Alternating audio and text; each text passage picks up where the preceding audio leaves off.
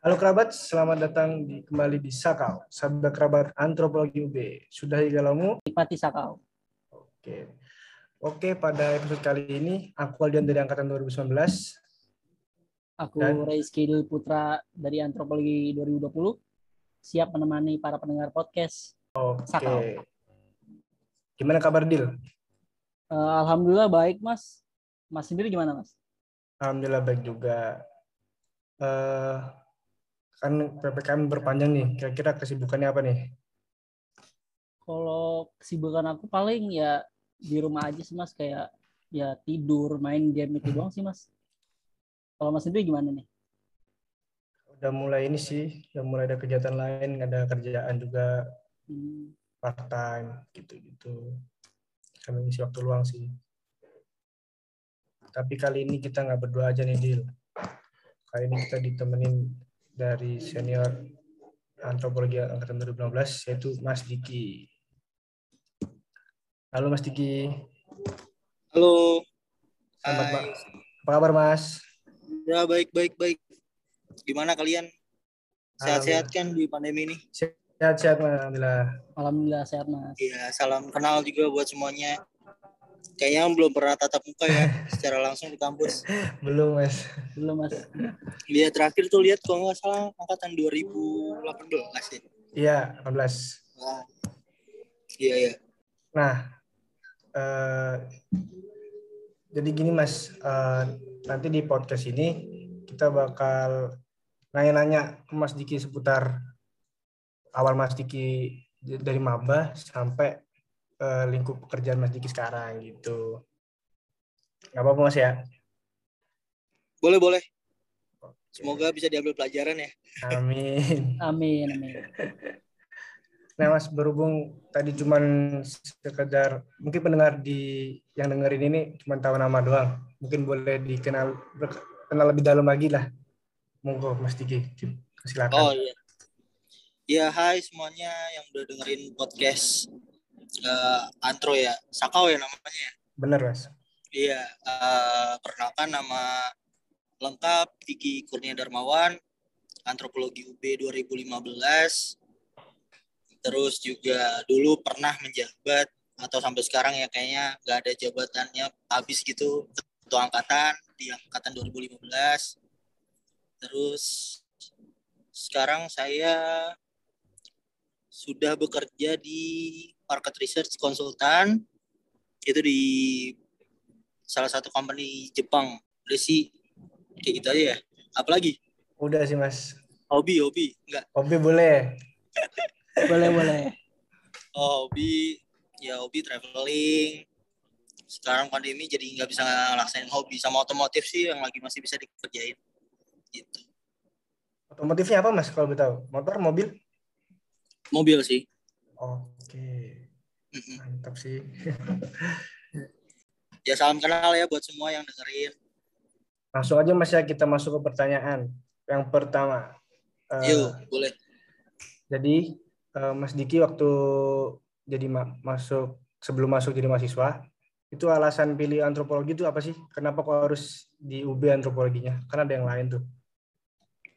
Oh, oke. Okay. Jadi dulu tuh sebenarnya mau ngambilnya ke psikologi.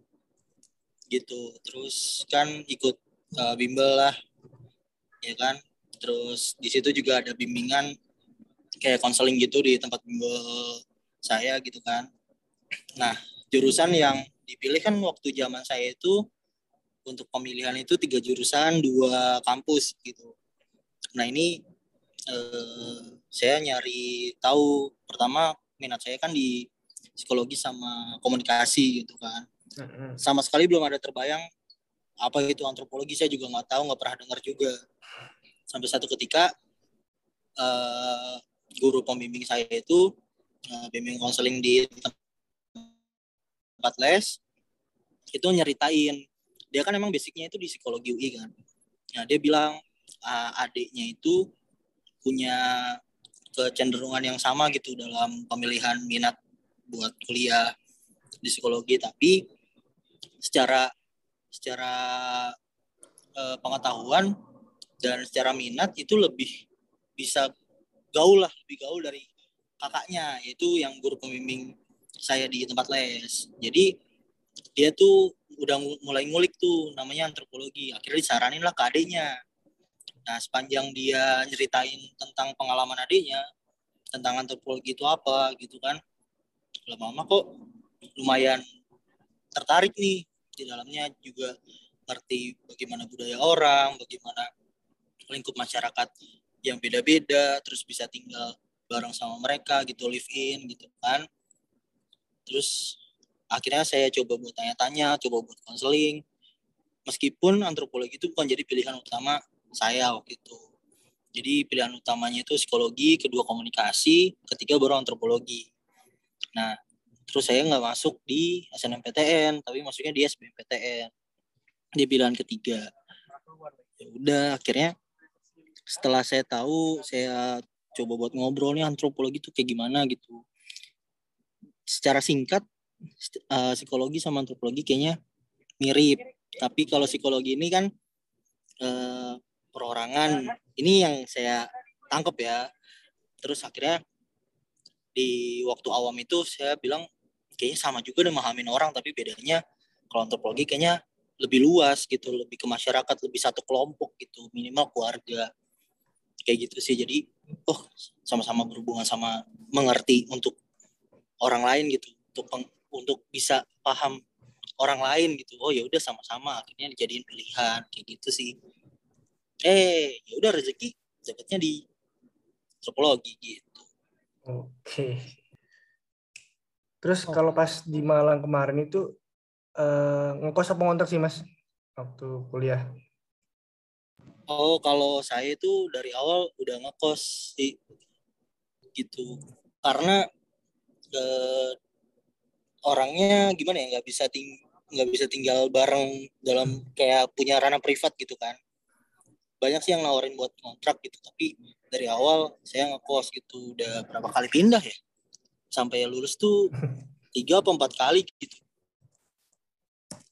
juga, Satu ya. bosanan, kedua iya kedua juga ngelik uh, apa ya culture apa culture shock juga sama orang-orang di sana gitu karena tiap-tiap kelurahan atau bahasanya desa ya atau apa ya atau RT RW-nya di sana gitu tuh punya kebudayaan masing-masing gitu untuk menerima masyarakat baru, menerima mahasiswa baru gitu dari luar daerah gitu. Misalnya contoh kenapa di tempat yang pertama saya ngekos itu di daerah Soekarno Hatta itu pernah ada kejadian samping kos saya itu uh, apa ya kayak kegerebek lah apa kayak gitu kan terus hmm. didenda satu sak semen gitu terus kayak peraturan buat bawa temen kayak kerja kelompok itu yang lawan jenis itu jadi kayak eh, susah gitu. Padahal kan hmm. niatnya bukan yang aneh-aneh atau kayak gimana. Karena di tempat kos saya lama itu sebenarnya izinkan sama bukosnya cuman ya masyarakat di sana kurang ini ya kurang apa ya. Ini nggak segeneral Soekarno Hattanya tapi adalah titik tertentu yang saya nggak bisa sebutkan. Itu ngelihat pandangan kalau misalnya lawan jenis gitu nggak boleh gitu. Punya jam malam di uh, eh, RT RW-nya katanya ya pokoknya ada beberapa case yang bikin saya nggak betah untuk uh, tinggal di sana. Karena saya asalkan Jakarta nih yang terbiasa sama ya multikultural kultural gitu. Jadi sebenarnya mau antar gender atau apa ya sebenarnya bebas-bebas aja buat main. Hmm. cuman kan di Malang mungkin kan beda ya hmm. gitu sih. Tapi sebenarnya mas uh, terlepas ada masalah itu enak nggak sih mas di Malang itu ya Malang gimana ya? Saya nggak punya saudara nih sama sekali dan nggak tahu antah berantah Malang gitu kan. Tiba-tiba dapat di sana sebelum masuk uh, saya saya kan SBM nih. Kan harus ada apa ya uh, registrasi ulang tapi nggak kayak SNM yang harus ke sana gitu kan. Hmm. cuman di tanggal tersebut saya langsung ke Malang buat survei gitu. Pas pertama kali sampai kotanya seru banget. Kayak Jakarta kan panas ya sampai sana tuh keluar kereta tuh dingin gitu. Wah ini siang aja dingin. Dulu naik Mata Remaja tuh jam 5 nyampe jam 7 apa jam 8 pagi kan. Keluar terus kayak wah gila. Apa dingin banget gitu. Nggak pernah yang ngerasain pagi-pagi dingin di Jakarta. Tiba-tiba keluar pagi makan rawon tuh di dekat eh, kereta dekat stasiun. Ya dingin gitu. Dan saya kira kan dingin wah karena AC apa gimana ya emang udaranya dingin ternyata gitu. Enak sih di Malang tuh benar-benar bikin betah makanya mungkin kalau yang kuliah di sana kayak buat ninggalin Malang itu ini ya Berat, berat. banget. Ah, berat banget asli. Kayak kalau punya duit nih gitu ya mending punya rumah di sana gitu. Asli. Ya, buat masa tua enak mas ya. iya benar kurangnya di sana mungkin ladang pekerjaan ya Nah, kalau di sana ada pekerjaan yang modelan kayak kantoran yang di luar kayak eh, ranah privat atau government gitu atau pemerintah kayaknya ju- juga bagus itu atau kayak ngadopsi Surabaya lah gitu misalnya kayak model Surabaya gitu Malang kayaknya orang-orang juga pada milih ke sana yang dari kuliah di sana gitu milihnya kerja di sana saya rasa ya bener bener. Hmm, karena enak banget sumpah. Mungkin kalau dari Jakarta atau Jabodetabek itu paling dekat ngerasain suasana Malang itu mirip kayak Bandung. Kayak Ah, jalanannya naik turun, terus eh, ada beberapa yang satu jalur ya kan. Itu tuh Bandung banget kan. Nah, Hmm. tapi ini versi lebih kecil gitu. iya, kayak ke mana-mana sebenarnya ketemu. Misalnya habis dari dari stasiun ketemunya Hmm. Ijen, di Ya. kampus ketemunya Ijen gitu. Ya dingin seru gitu deh. Kalau dibanding yang dari kota yang panas ya betah tinggal di sana. Sama sih mas, aku juga betah sih. Aku kan dari Surabaya. Oh dari Surabaya. Ah, Jadi kayak ya lebih wah panas banget. sih. lebih panas sih. Panasnya parah emang. Cuma emang eh, jadi lebih betah. Soalnya karena emang setiap tahun ke sini. Terus karena pandemi ini juga kayak malas di Surabaya ngapa-ngapain mending di Malang aja. Di Malang. Oh berarti kamu nih di Malang. Di Malang ya, mas. Lagi stay. Oh, iya, soalnya gimana ya? Soalnya kan saya juga ini apa eh, skripsian juga di Surabaya kan ngambilnya. Hmm. Itu wah pol-polan mandi aja nih. Ini nggak tahu ya nih daerah Surabayanya sama apa enggak. Kalau saya kan eh, Gunung Anyar ya kalau nggak salah ya. Gunung Ada kan? Anyar, ya ada, ada, ada. ada. Rumput Iya, sana. Gunung Anyar tuh. Saya tinggal di sana. Nah, Itu mandi kayak nggak mandi tau gak sih? Airnya air payau gitu. Lu mandi gak seger gimana sih?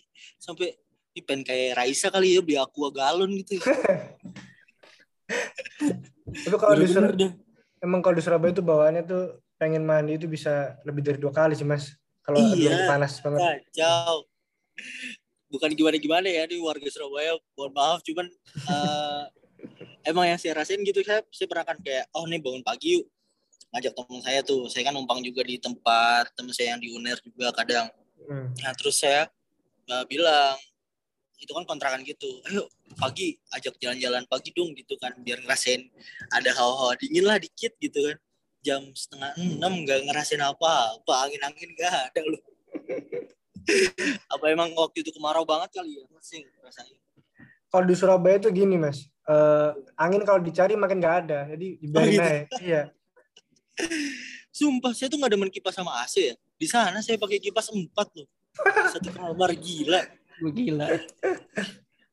bener-bener kayak udah kipas di sini kipas mana gitu arah arahin saya gitu nggak nggak nggak masuk angin yang bener-bener butuh.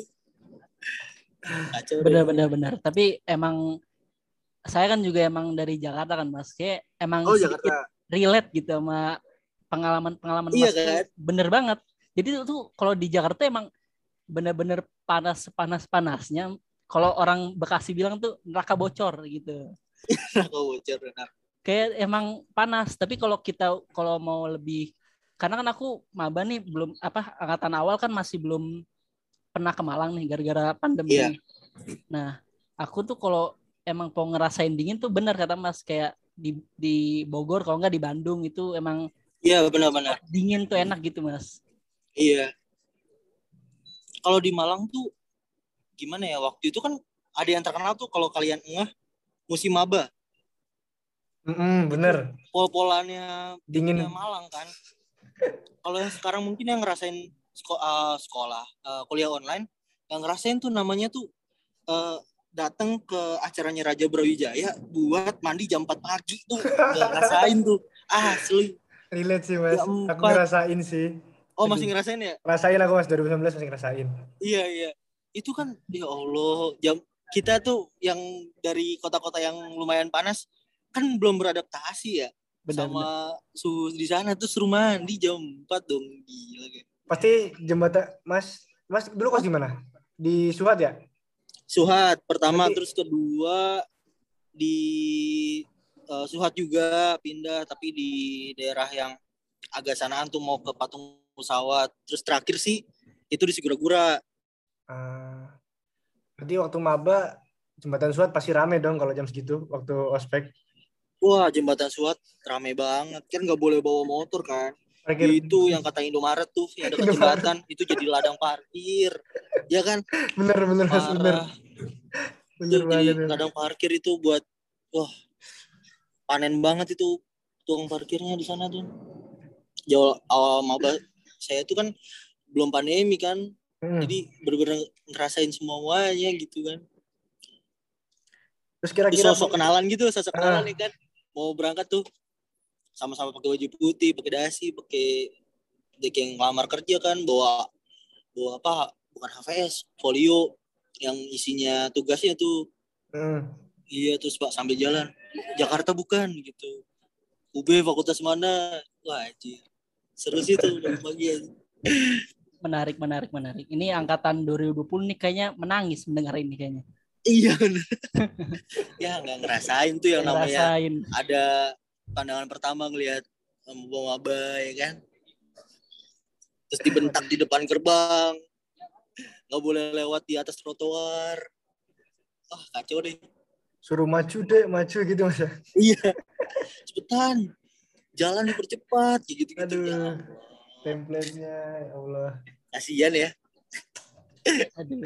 prihatin ya sama yang online Ya gimana lagi ya Mas? Ya musibah ini sih. iya sih bener musibah sih aduh sayang banget Sayang sekali. ya seninya di situ meskipun ketika ngelaksanain gede banget ya kayaknya mau nonjok orang-orang itu ya cuman akhirnya ba jadi bahan ketawaan pas pas udah masuk semester atas itu yang jadi ya ternyata pas jadi panitia juga kayak gitu gitu kan gitu sih pas awal maba Hmm, cerita Mas Diki ini kayak eh, menarik banget nih kayaknya. Emang sial banget sih sekarang ang- angkatan 20 ini. Oke. Sekarang kita masuk ke masa-masa Mas Diki aja pas awal-awal jadi maba. Antropologi. ya gimana Gimana sih first impression Mas Diki ke antropologi UB pas pertama kali menginjakan kaki di UB sebagai mahasiswa antro tuh? Apa apa Eh. sih yang Mas Diki rasain pada waktu itu gimana? iya kan eh, dulu kan mikirnya kan antropologi sosial tuh kalau kalian di SBMPTN saya sih pas jawaban kelulusan itu kan lulus SBMPTN gitu ya itu tulisan jurusannya antropologi sosial nah pikiran saya itu dulu masuknya FISIP karena saya nggak nyari tahu gitu di web atau di apa kan. Ya udah tuh saya ikutlah. Pasti kan maba-maba nih yakin pasti nyari temen kan. Nyari temen tuh yang grup Raja Brawijaya ke angkatan 53 atau kalau angkatan saya tuh. Kalau enggak eh, grup fakultas grup jurusan gitu pokoknya nyariin lah. Nah tuh saya nyari tuh teman saya yang masuk eh, FISIP juga ya kan. Nyari ada grupnya enggak ada masukin dong invite. Ternyata dong pas di Salken kan. Salken Diki Jakarta antropologi. Ah, antropologi emang di wah langsung tuh rame tuh. Anjir ternyata bukan di FISIP dong akhirnya saya keluar tuh waktu itu. Keluar eh, terus ikut grup FIB ternyata antropologinya. Masuk FIB masuk grupnya itu ngomongnya aku kamu tuh. Sumpah canggung banget kan. Untuk saya nih nggak pernah yang namanya ngomong aku kamu terbiasa di Jakarta sama eh, laki ataupun perempuan kalau perempuan yang udah dekat gitu misalnya ya. tapi kalau laki-laki itu benar-benar nggak nggak nggak gitu deh gitu ya kayak Kayak belum terbiasa gitu ya, lah. Mas. Awkward iya awkward parah bener tuh. terus di grup juga wah aku kamuan nih gimana kan terus itu jadi kayak ketawa-tawa saya gitu sampai akhirnya kan mulai terbiasa ternyata ya udah ya sama kayak ngomong gue lo aja di Jakarta gitu. Gitu kan. Udah masuk akhirnya saya inisiatif buat bikin uh, grup antropologi 2015 tuh waktu itu. Saya nyari di Twitter saya nyari di uh, dulu masih ada line ya? Line. Yang masih pakai line. Terus akhirnya saya bikin grup di line saya minta uh, teman-teman yang di kota-kota tersebut tuh yang dari masing-masing kota buat invite juga saya kontak adminnya yang ada di Twitter waktu itu untuk ngasih tahu saya kalau misalnya ada yang anak antropologi terutama yang sehabis keterima di Mandiri. Sampai akhirnya terbentuk grup uh, kita buat up pertama gitu deh. Up pertama terus akhirnya jadilah tuh teman-teman saling kenal tuh sebelum adanya uh, hari H apa ya sebutan ospek lah gitu. Ospek yang kampus gitu sih. Terus ya masuk pertama kali kalau buat di bidang edukasinya sih pelajarannya masih umum ya kalau semester semester awal gitu. Masih agama masih PKN masih apa ya pengantar antropologi gitu tapi secara nggak langsung kalau yang ngambil jurusan IPS di SMA kayaknya udah pernah belajar tuh di buku Erlangga di bab pertama sehingga saya itu kalau nggak salah. Bab pertama apa bab kedua gitu tentang antropologi juga ada. Kayaknya di situ tuh udah udah kebayang dikit-dikit sih gitu. Terus kalau nggak salah itu semester satu atau semester dua itu ada pembahasan tentang uh, gender pembahasan tentang seksualitas uh, karma eh karma apa sih Kama Sutra Karma, Kama Sutra ada masih ada nggak sih masih, masih kan, Mas. Masih kan? Nah, yeah. saya kan tiga tahun nih di LSM eh, di LSM gender, di LSM-nya BKKBN gitu sebagai konsul konselor uh, buat konsultasi masalah HIV/AIDS, repro, uh, reproduksi gitu-gitu kan. Saya lumayan paham untuk hal itu. Maka dari situ tuh di semester satu semester dua saya lupa. Nah, saya disuruh pernah jadi sebagai uh, gantiin Bu Zurin waktu itu hmm. untuk ngajar tentang uh, ya reproduksi tentang uh, pengalaman saya HIV AIDS gitu-gitu uh, pengetahuan tentang tentang seperti itulah gitu. Mm -hmm. Mm -hmm. Nah terus ya ternyata mirip-mirip sih, maksudnya mahamin orang atau segala macam kayak gitu-gitu sih. Terus kalau boleh tanya mas, ada nggak ah. sih mas yang dikangenin dari antropologi sendiri, utama UB? Kalau yang dikangenin sih ini ya apa zaman-zaman ya saya boleh nyebut jahiliyah nggak sih maksudnya? Boleh mas, boleh. iya, kayak di, di antro kan ada ini ya, ada apa sih sebutannya kerabat dan tidak kerabat gitu kan sebelumnya, okay. uh, uh, gitu. Nah, di zaman-zaman tidak kerabat ini, saya tuh mempertanyakan gitu, maksudnya uh, banyak hal yang jadi pertanyaan saya kenapa harus kayak gini, kenapa harus kayak gitu gitu. Nyatanya uh, positifnya adalah untuk mempererat angkatan yang awal sih untuk saling kenal, saling nguatin, saling peduli kayak gitu. Yang dikangen itu sih masa-masa uh, berjuangnya buat nyari tahu ini kita gimana sih kita uh, kuliah doang atau ada apanya sih? Kayak gitu gitulah. Dulu tuh banyak banyak apa ya? Di angkatan 15 itu uh, antro ataupun di luar antro itu lagi banyak-banyaknya acara event di Malang, terus lagi banyak-banyaknya uh, hal-hal yang apa ya subculture gitu dari dari Jakarta masuk ke Indon uh, Indonesia. Dari Jakarta masuk ke Malang. Kayak misalnya band kayak misalnya musik kayak misalnya festival kayak misalnya perkopian itu tuh perkopian Jakarta gitu yang maksudnya yang dingin minuman dingin gitu kan. Hmm. itu tuh transisinya di di angkatan saya gitu dari uh, model Eh, minuman yang biasanya saya ngopi di sana tuh kayak apa ya yang hangat gitu yang tiga ribu empat ribuan gitu. Sampai akhirnya ada tercetus kopi kekinian yang sepuluh ribu dua belas ribu kayak gitu gitu festival musik apa segala macam itu lagi rame-ramenya. Nah itu di luar dari uh, kepenatan nyari sistemnya di antro selain kuliah uh, buat jadi kerabat gitu kan dulu. Nah itu dimanfaatin buat kayak datang ke acara-acara kayak gitu sih sehingga saya. Hmm. jadi akhirnya sering nongkrong sering ngopi sering ngobrol sering nyari tahu. Kayak gitu-gitu sih itu yang bikin kangen untuk kayak ngulik ini kita orang yang nggak tahu latar belakangnya sama sekali akhirnya buat belajar. Oh secara langsung di angkatan buat kayak nerapin antropologi secara otodidak gitu sebelum akhirnya kita tahu bahwa ternyata yang selama ini dilakuin selama maba itu kita coba buat paham kita yang sebagai peneliti untuk memahami orang lain di luar kelompok kita nantinya kayak gitu sih. Dan kalau udah uh, nalar ya udah hmm. nalar pas sekarang gitu akhirnya oh ya baru nangkep kayak gitu. Yang kebetulan kan Mas Diki sendiri kan ketua angkatan juga kan jadi harus lebih lebih iya itu. Ini saya nggak tahu ya angkatan kalian nih. Cuman pas angkatan saya saya harus hafal semua nama angkatan saya. Sama Mas. Aku kan ketua angkatan juga oh iya. Iya loh sumpah. Terus kayak nggak datang misalnya harus tahu alasannya kenapa. Detail harus detail. Detail bener. Hmm.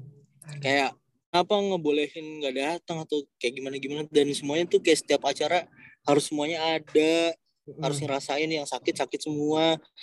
Senang senang semua. Kayak gitu sih sekali yang sakit sakitnya apaan? Nggak boleh sakit yang nggak jelas iya benar.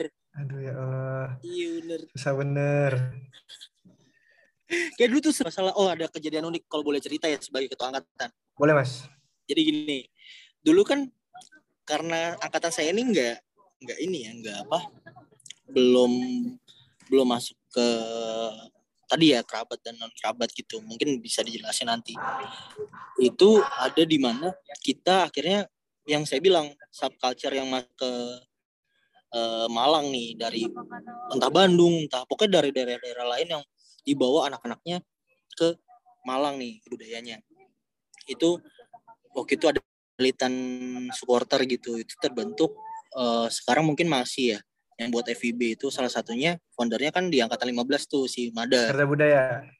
Ya, Garda Budaya benar. Nah, itu kan salah satu pencetusnya juga yang maksudnya lumayan uh, jadi trademark gitu kan si Mada Karitidar nih angkatan saya. Nah, itu kan waktu itu saya ikutin. Ya meskipun saya nggak terlalu terlalu into ke sana, cuman saya sempat ngerasain di awal-awal pembentukan kita waktu itu kenal sama sastra Jepang kalau nggak salah namanya Mas Mas apa ya? Saya lupa pokoknya ada angkatan 14 terus kita buat kayak ya udah yuk ada kegiatan di luar antro gitu kasarannya supporter buat fakultas kayak gitu kan ikut tuh di sana terus kita makin kenal sama jurusan yang lain dengan angkatan yang beragam gitu nongkrong apa segala macam gitu kan. Nah satu ketika kita lagi mau coba nih buat bangkitin supporter yang ada di FIB gitu kan karena FIB terkenal kayak ya dibilang melempem melempem tapi sebenarnya punya punya potensi gitu kan. Kalau dibangkitin ini bisa nih bisa nih gitu kan. Akhirnya kita cari cara. Terus pertama ya dari supporter itu kan dari olahraga.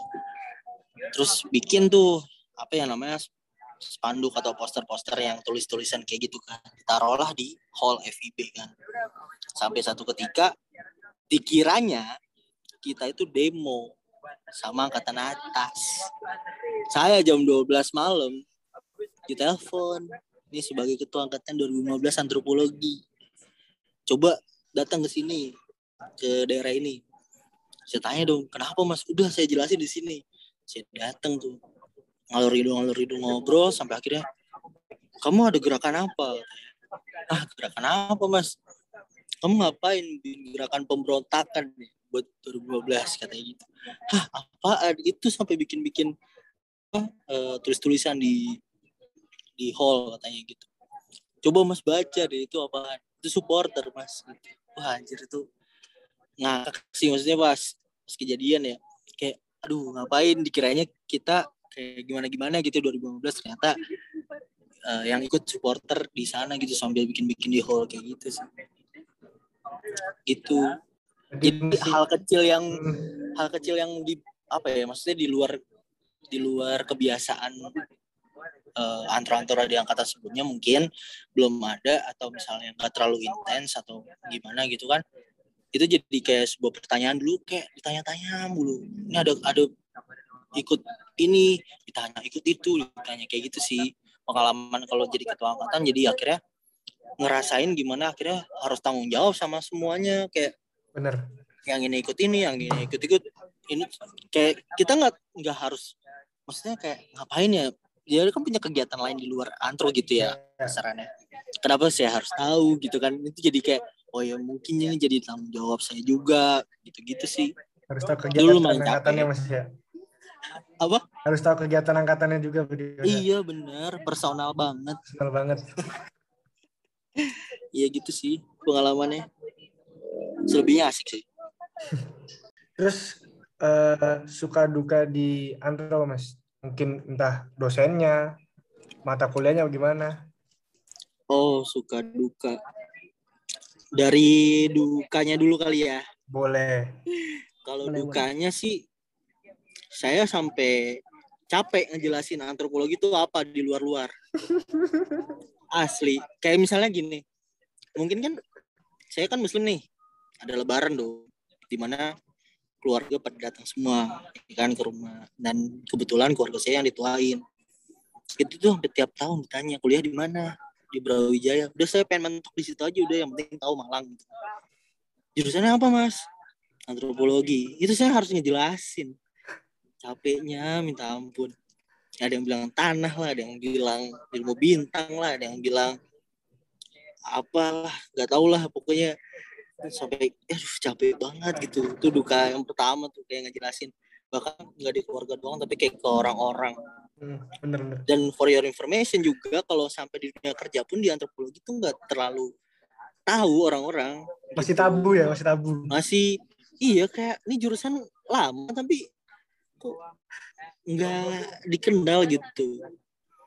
Burnoversnya kecil banget gitu buat di dunia kita padahal kan di semua kampus hampir ada gitu. Aneh kan? Hmm, gitu sih. Terus kalau misalnya di kampusnya dukanya ya kayak apa ya em, beberapa pela- mata pelajaran ini menurut saya kayak masih ngadopsinya terlalu luas gitu. Masih global banget. Yang Hmm. di mana kayak misalnya antropologi terapan gitu. Kalau misalnya kalian udah pernah belajar saya penasaran sampai saya lulus saya buat introspeksi ke mata kuliah itu kan saya bilang antropologi terapan harusnya antropologi ini bisa diterapkan diimplementasikan di pekerjaan yang ada di Indonesia gitu. Harusnya lebih relate ke sana gitu. Tapi yang saya pelajarin kayak antropologi luar angkasa antropologi apalah kayak gitu-gitu yang menurut saya buat Indonesia ini masih jauh gitu. Untuk mengenalkan antropologi aja secara umum masih susah. Kenapa nggak coba buat direlatin ke pekerjaan-pekerjaan yang ada di Indonesia seperti itu sih. Harusnya di antropologi terapan kan kayak gitu. Maksudnya di beberapa di berbagai ilmu menurut saya di hukum terapan misalnya psikologi terapan itu sebenarnya harusnya related sama pasar atau related sama eh, eh, di di mana tempat kita tinggal gitu. Maksudnya di Indonesia pasarnya gitu kan. Gitu sih kalau dukanya selebihnya sih fine. Kalau misalnya dosen itu juga mumpunin rata-rata kalau kemarin itu yang paling paling filosofis itu Pak Hipo hmm. itu belajar tentang ilmu kehidupan termasuk kayak pertanyaan-pertanyaan yang abstrak gitu yang kayak nggak kepikiran gitu gimana. Salah satu yang saya ingat gini kalau kalian mati itu ke mana? Ya kan? Hmm. Terus kalau eh, nyatanya ternyata yang orang meninggal itu kan kita sedih ya gak taunya malah mereka yang bahagia dan mereka sedih ngelihat kita masih ada di dunia waduh Aduh. gila. itu pikir banget ya sih Dalam ya. Terus kalau misalnya buat penerapan, penerapan kayak eh, pemanggala. Sebentar guys, ada iklan sebentar. Iya. Ada iklan.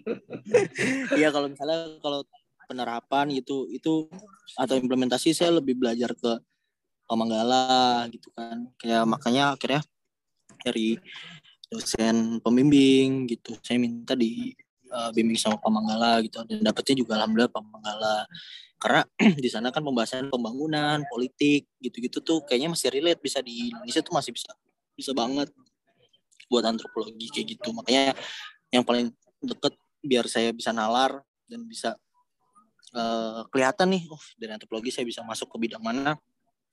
Saya benar-benar ngulik di Pamanggala sih kayak gitu. Kalau bujurin itu saya belajar juga buat kayak buat ini loh apa memahami antronya gitu kalau Bu Zurin tuh. Hmm. Eh, jadi secara keantroan itu Bu Zurin dapet sih menurut saya. Itu saya be- belajar banyak dari pengalaman dia juga kayak gitu-gitu. Terus kalau kalian mungkin belum kenal tuh ada namanya Pak Haji. Itu Pak Haji dulu eh, dosen saya juga itu juga saya belajar banyak tentang ketidakgaduhan dalam pemilihan eh, hidup itu Ma- baik pemilihan mata pelajaran atau misalnya pemilihan eh, pemikiran kayak gitu-gitu dia benar-benar bisa banyak diskusi secara eh, adem gitu. Makanya saya dapat kesempatan dia sebelum ke Norway kalau nggak salah atau ke mana saya lupa. Itu saya ketemu dia sebelum akhirnya saya dapat judul dapat eh, skripsi yang saya pengen itu dari Pak Haji. Gitu sih. Kalau senengnya yang lain di antro. Itu teman-temannya kacau sih karena ke- kebentuk dari yang awal ya. Itu bener-bener kayak sampai sekarang bahkan kayak keluarga gitu. Apalagi eh, kita beda-beda kota itu kayak akhirnya ya nambah saudara. Misalnya mau Hmm. ke Surabaya ada ini kita bisa tinggal di sana. Terus kita mau ke Bali misalnya kita bisa tinggal di sana gitu. Saya bisa kenal banyak orang sih dari antro tuh. Dulu kan JK ya. Saya Iya. sering saya dua kali tuh ke Yogyakarta waktu itu juga ke kerabat sana. Terus orang eh yang kerabat Bali kerabat eh, UI gitu-gitu tuh kerabat yang Bandung kayak gitu tuh saya main gitu sampai kenal sampai jadi deket gitu. Padahal ya cuman gara-gara antronya gitu. Tapi pas ketika datang ke sana ditemenin gitu. Bahkan yang di antro Surabaya sih yang uner yang ngebantu saya buat tinggal. Nyari tempat tinggal nyari perizinan gitu ngebantu banget sih. Saya modal motor sama apa tuh barang-barang doang. Buat datang ke Surabaya terus bisa hidup di sana selama sebulan. Itu kan ngebantu banget sih antro. Itu sih sukanya. Jadi itu ya mas ya gunanya kita kerabat secara langsung mas ya. iya sih kalau itu dapat nilainya ya Eh, semuanya tuh ya kalau ngerti arti kerabat ya kayak gitu gitu. Tapi kan balik lagi ke personal masing-masing. Ada juga yang didatangin tapi nggak mau gitu ya di luar kerabat gitu kan. Ada juga yang didatangin malah risih gitu. Itu ya itu balik lagi ke personal tapi jangan nganggep itu eh, antronya yang salah gitu. Tapi itu balik ke personal lagi sih menurut saya. Hmm, ya iya menarik juga ya dari cerita-cerita tadi Mas Diki. Oke, kita lanjut. Oh ya Mas, kira-kira boleh nggak sih eh, Mas Diki boleh sharing-sharing pengalaman Mas Diki ketika menjadi mahasiswa tingkat akhir nih? sebagai manusia eh manusia kan mahasiswa ya. Iya nih. Jadi saya pengen cerita. Jadi kan di antropologi itu saya pernah nanya nih ya kan? Bisa nggak sih? Antro tuh eh, saya nanya nih ke angkatan-angkatan atas saya sih antro tuh tiga setengah gitu kan. Tiga setengah tahun aja kuliahnya. Terus mereka bilang empat tahun aja tuh udah bagus gitu-gitu deh. Pokoknya tuh yang saya dapet ya nggak tahu yang sekarang kalau kalian nanya. Empat tahun tuh udah bagus empat tahun setengah lah. Itu udah harusnya bisa gini-gini gitu gitulah itu yang udah saya dapat tapi saya nggak mau nyerah tuh saya nyari info kan gimana caranya hitung SKS yang udah dipaketin tapi saya bisa di semester 7 cuma ngerjain skripsi doang nih sama satu mata kuliah yang wajib akhirnya saya waktu itu kan punya pembimbing Pak Ari masih ada nggak sih Pak Pak ada ya? Ari di angkatan 19 nggak ada, udah nggak ada mas terakhir 18. Oh, udah nggak ada ya. Nah, itu Pari tuh pembimbing saya tuh.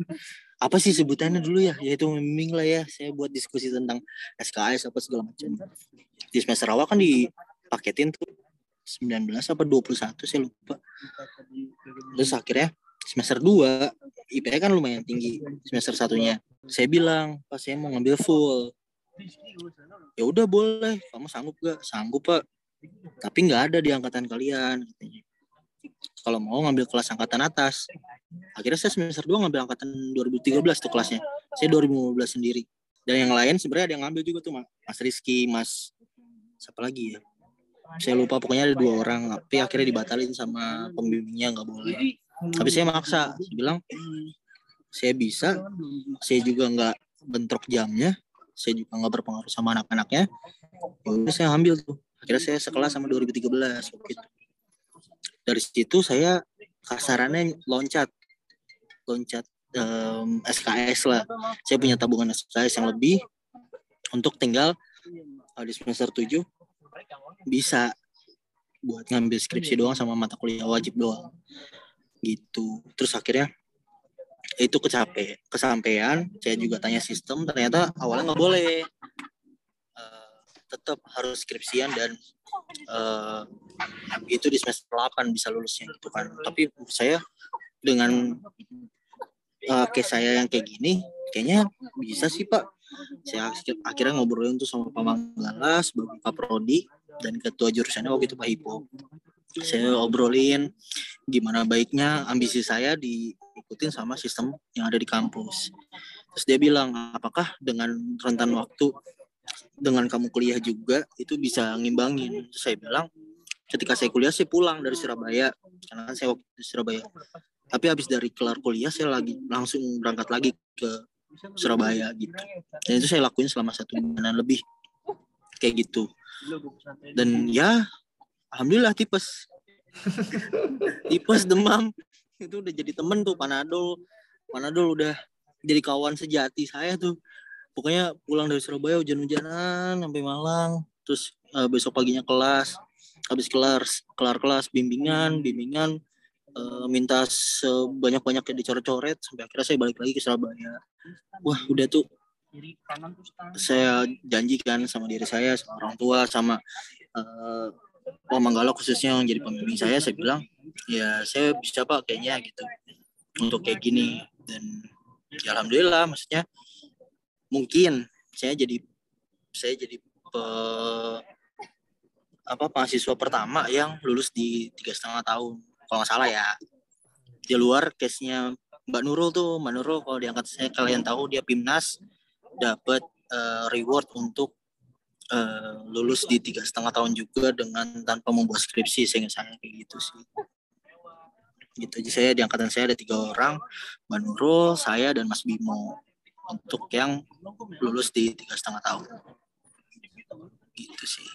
Terus uh, waktu susah nggak sih mas kalau setelah lulus nih cari kerjaan itu sampai Mas Diki bisa sam apa uh, kerja sekarang itu? Oh, kalau dibilang susah, ya susah. Mau balik lagi ke dirinya ya, maksudnya uh, saya harap sih teman-teman antropologi angkatan yang masih di kampus gitu atau yang udah mau lulus itu uh, selain punya uh, knowledge tentang antro, knowledge juga tentang hal-hal lain di luar antro. Saya harap kayak gitu. Terutama soft skill atau skill-skill lain yang dipunya kayak uh, software software kayak gitu-gitu deh yang emang pengen berhubungan sama uh, dunia riset gitu karena antropologi ini kan kebiasaan etnografi ya atau deskriptif gitu bentukannya. Jadi kan di dunia bisnis atau di dunia pekerjaan uh, mereka itu maunya cepet. Gitu. Punya rentang waktu yang sangat uh, mepet kalau di antropologi kan harus kayak sebulan harusnya hmm. setahun bahkan untuk memahami sebuah fenomena gitu kan. Hmm. tapi nyatanya kalau di dunia pekerjaan itu kan harusnya cepat dan rata-rata emang setiap perusahaan itu punya uh, R&D atau research and development. Sebenarnya kita bisa masuk ke sana gitu tapi dengan dikombinasikan uh, metodenya secara campuran yaitu kuantitatif dan kualitatif. Nalarnya uh, analisanya itu antro banget bisa dipakai tapi secara software atau uh, disajikan datanya itu secara uh, campuran atau uh, kuantitatif lebih banyak gitu. Karena ketika kita bilang makanan ini enak gitu ya. Ukuran enak itu tiap orang beda-beda betul kan benar benar uh, nah itu kan di antro kayak gitu. Tapi kalau di kuantitatif makanan ini enak dengan rata-rata 80% orang yang ngomong. Ah. kita bisa bilang makanan itu enak emang Hmm. Karena ada 80 orang, eh 80 persen orang yang ngomong kayak gitu. Ada datanya mas ya? Ada datanya benar. Sebenarnya dat kita pun data kita ngomong Hmm. makanan itu enak itu, itu data tapi kualitatif yang interpretasinya bisa banyak ba- beragam gitu nah di dunia pekerjaan itu nggak bisa kayak gitu gitu kita bilang enak enaknya kayak gimana siapa yang bilang gitu siapa tahu bilang makanan enak gara-gara emang dia makanannya dari asal dari daerahnya gitu kan Kayak gitu nah makanya saya pesan sama teman-teman kalau yang masuk pengen masuk dunia R&D atau research and development juga atau dev gitu itu pahamin industrinya pahamin segmennya pahamin eh, dari sekarang tuh buat nyari-nyari tentang eh, bidangnya gitu dan buat belajar juga di luar etnografi atau eh, di luar atro. Saya rasa sih gitu. Dan saya pesan juga nih dari semester 1 yang masih semester 1 sekarang atau semester 2 atau semester awal lah. Anak-anak yang baru masuk tahun pertama atau tahun kedua itu kalau bisa eh, magang. Biasain magang di liburan semester. Kenapa? Karena eh, menurut saya saya baru tahu ilmu ini dari pas saya kerja gitu. Jadi oh, eh, di tempat saya ini kan multi company ya. Hmm. eh, perusahaan Jepang yang isinya dari berbagai macam orang dari lulusan luar negeri, lulusan lokal eh, dan banyak orang-orang yang beragam negara gitu. Saya ketemu. Dan salah satunya orang Indonesia yang kuliah di Amerika. Rata-rata mereka yang kuliah di Amerika sama Jepang untuk eh, masuk perusahaan saya ini itu dia terbiasa untuk magang dari awal semester. Nah, pengalaman magang ini yang sangat banget dihargain sama kantor saya. Dilihat, oh ini punya pengalaman magangnya di sebelah sini, sebelah sini. Jadi dari berbagai berbagai industri atau segmen bisnis gitu. Jadi dia akhirnya, oh ini punya nalarnya sama produk ini jadi lebih beragam, lebih knowledge-nya lebih luas kayak gitu. Tapi kalau ketika masuk untuk eh, kerjaan, jadi akhirnya lebih gampang. Kalau kita yang langsung fresh graduate dan bawa antro doang, bukan saya mengecilkan tapi yang saya bilang di awal antropologi itu untuk di eh, dunia pekerjaan itu untuk beberapa orang ya masih belum dikenal gitu. Gimana akhirnya kita capek untuk menjelaskan antropologi itu apa buat di wawancara tapi ketika kita punya skill yang lain kita pernah magang di mana akhirnya kita lebih fokus itu sebagai background untuk kita berpikir. Background kita untuk uh, pendidikan background kita untuk cara nalar. Tapi selebihnya kita bisa menceritakan pengalaman pekerjaan kita yaitu dari magang-magang yang kita udah kerjain harusnya dikerjakan itu dari semester satu awal itu dari multi segmen gitu. Misalnya pertama eh, di semester awal liburan di F&B misalnya kayak gitu. Terus kedua eh, telco industri misalnya kayak gitu. Terus kalau semester ketiga masuk ke eh, manufaktur atau apa gitu. Nah sampai akhirnya kita multi segmen punya analisa yang jelas akhirnya ya udah menurut saya untuk masuk ke dunia pekerjaan jadi buat bekal banget sih. Saya pesan sih kayak gitu sih harusnya. Kalau buat saya pribadi untuk ngalamin ngalamin pekerjaan untuk mencari pekerjaan kemarin itu alhamdulillah mungkin saya dikasih rezeki. Saya cuma nganggur dua bulan setengah dua bulan setengah dari saya lulus. Eh, itu juga alhamdulillah dapat tawaran di mana-mana. Salah satunya juga ada yang startup sekarang gede banget tuh. Itu juga saya dapat eh, sebagai HRD gitu cuman mungkin balik lagi realistisnya adalah tentang gaji ya gak sih? Ke sana kalau udah di, di umur sekarang gitu setelah lulus jadi offeringnya mungkin lebih besar. Nah, di perusahaan saya sekarang jadi akhirnya saya lebih pilih ke sini gitu sih. Tapi kalau ketika saya ngambil startup yang kemarin mungkin saya ya pride aja gitu untuk nyebutin nyebutin saya kerja di mana gitu. Tapi secara offering mungkin agak jauh kayak gitu. Hmm. itu balik lagi ke orangnya ngincernya pride-nya atau ngincernya emang realistis gitu kalau saya sih realistis aja gitu Oh, Oke Mas.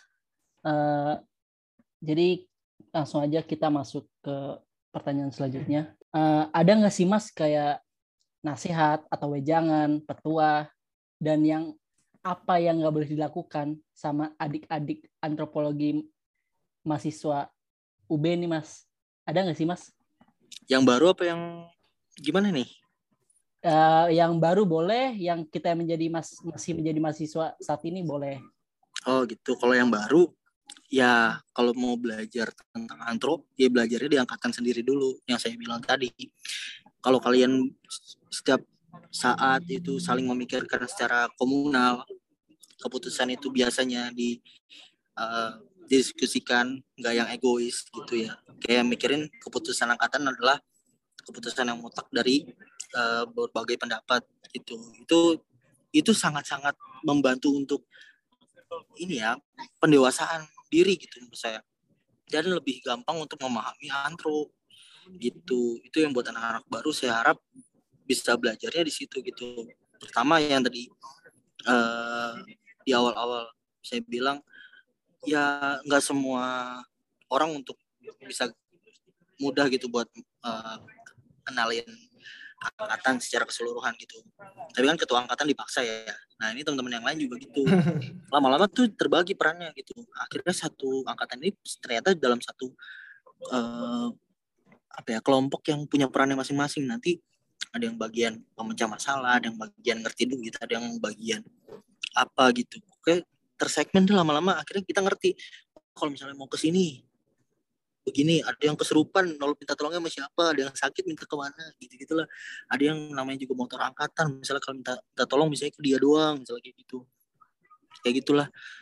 Akhirnya satu satu angkatan ini bisa kebentuk bentuk sederhana dari sebuah masyarakat gitu. Saya melihatnya sih kayak gitu. Jadi apalagi dari berbagai macam uh, budaya dan daerah ya jadi akhirnya saling mahamin gitu. Gimana akhirnya kita kompromi nggak ngomong gue lo ke anak yang dari Jawa dari Sunda kayak gitu. Atau dari daerah lain. Kita terbiasa untuk kayak ngomong aku kamu atau saya kayak gitu-gitu. Atau juga uh, perbedaan kita yang orang bukan daerah Jawa untuk bisa belajar tentang Jawa secara uh, pelan-pelan gitu secara keseluruhan. Mana sopan santun mana dari tata bahasa yang baik gitu-gitu gitu sih. Uh, belajar di angkatan sendiri dulu sampai akhirnya ketika udah terbiasa sama angkatan sendiri untuk uh, belajar ke antar angkatan itu kayaknya jadi lebih mudah gitu. Karena setiap angkatan menurut saya punya kebudayaannya masing-masing gitu. Itu kalau buat yang maba atau yang anak-anak baru. Terus kalau yang udah masuk ke level mahasiswa yang udah sampai ke tingkat akhir ini ya balik lagi tuh yang tentang magang itu saya tekenin banget sih. Kalau bisa ada yang peloporin atau misalnya si siapa himanya bisa buat nyari-nyari channel buat kayak magang ke sini magang ke situ. Atau misalnya mereka kalau luasaan dari masing-masing anak untuk punya inisiatif sendiri. Ke mana gitu kan? Nah itu bisa dicatetin tapi sejarahnya si anak ini magang di sini di tahun berapa di posisi apa terus juga PIC-nya siapa. Nantinya akhirnya kita bisa mendistribusikan teman-teman kita untuk angkatan yang bawah untuk masuk ke sana kayak gitu. Uh, itu buat angkatan uh, yang akhir-akhir. Kalau bisa persiapan kecenderungan buat skripsi itu minatnya ke mana? Itu dari semester semester 4, 5 gitu. Karena uh, gini lah kalau kita masih nganggap terutama kayak saya pribadi antro itu mungkin masih dipandang sebelah mata seenggaknya kita punya prestasi. Kalau nggak ikut PIMNAS ya kalian coba buat lulus di tiga setengah tahun. Ketika kalian punya uh, apa ya uh, prestasi di sana terus tiga setengah dengan predikat kumlot kayak gitu misalnya itu jadi nilai plus untuk buat biar dapat pekerjaan yang lebih uh, kayak Eva atau mendekati keinginan kalian atau ekspektasi kalian kayak gitu sih. Mungkin itu modal awal saya akhirnya dapat rezeki untuk kayak nganggur cuma dua bulan setengahan kayak gitu. Itu sih paling ke teman-teman. Oke oke mas. Oke uh, ini pertanyaan terakhir sih mas. Satu kata buat antropologi UB uh, eh, kalau satu kata mungkin ini ya rumit Aduh. Filosofis sekali nih. Ya, itu biarkan kalau orang yang berprasangka baik akan memikirkan tuh rumit itu pasti menimbulkan pembelajaran yang lebih banyak. Tapi kalau yang punya berprasangka yang negatif, rumit, jadi sebuah hambatan yang nggak bisa terselesaikan. Jadi balik lagi, kalau udah belajar antropologi harus punya interpretasi sendiri. Oke. Oke Mas Dik. Sayang sekali teman-teman, nih kita, kita udah di penghujung obrolan. Harusnya lebih suruh nih kalau misalnya bisa ngobrol langsung dengan Mas Diki. Tapi nggak apa-apa, tetap asik ada. Maka dari itu sesi bincang-bincang sama Mas Diki kita akhiri di sini. Terima kasih banyak buat Mas Diki udah meluangkan waktunya, udah mau hadir Iya, di sama-sama. podcast Sakau kali ini. Buat teman-teman kerabat, tetap stay tune karena kita pasti bakalan undang kerabat lainnya yang nggak kalah asing, nggak kalah keren. Tetap pantengin di Sakau karena Sakau sudah galaumu. Nikmati sakau. Sampai jumpa di episode berikutnya. Salam kerabat.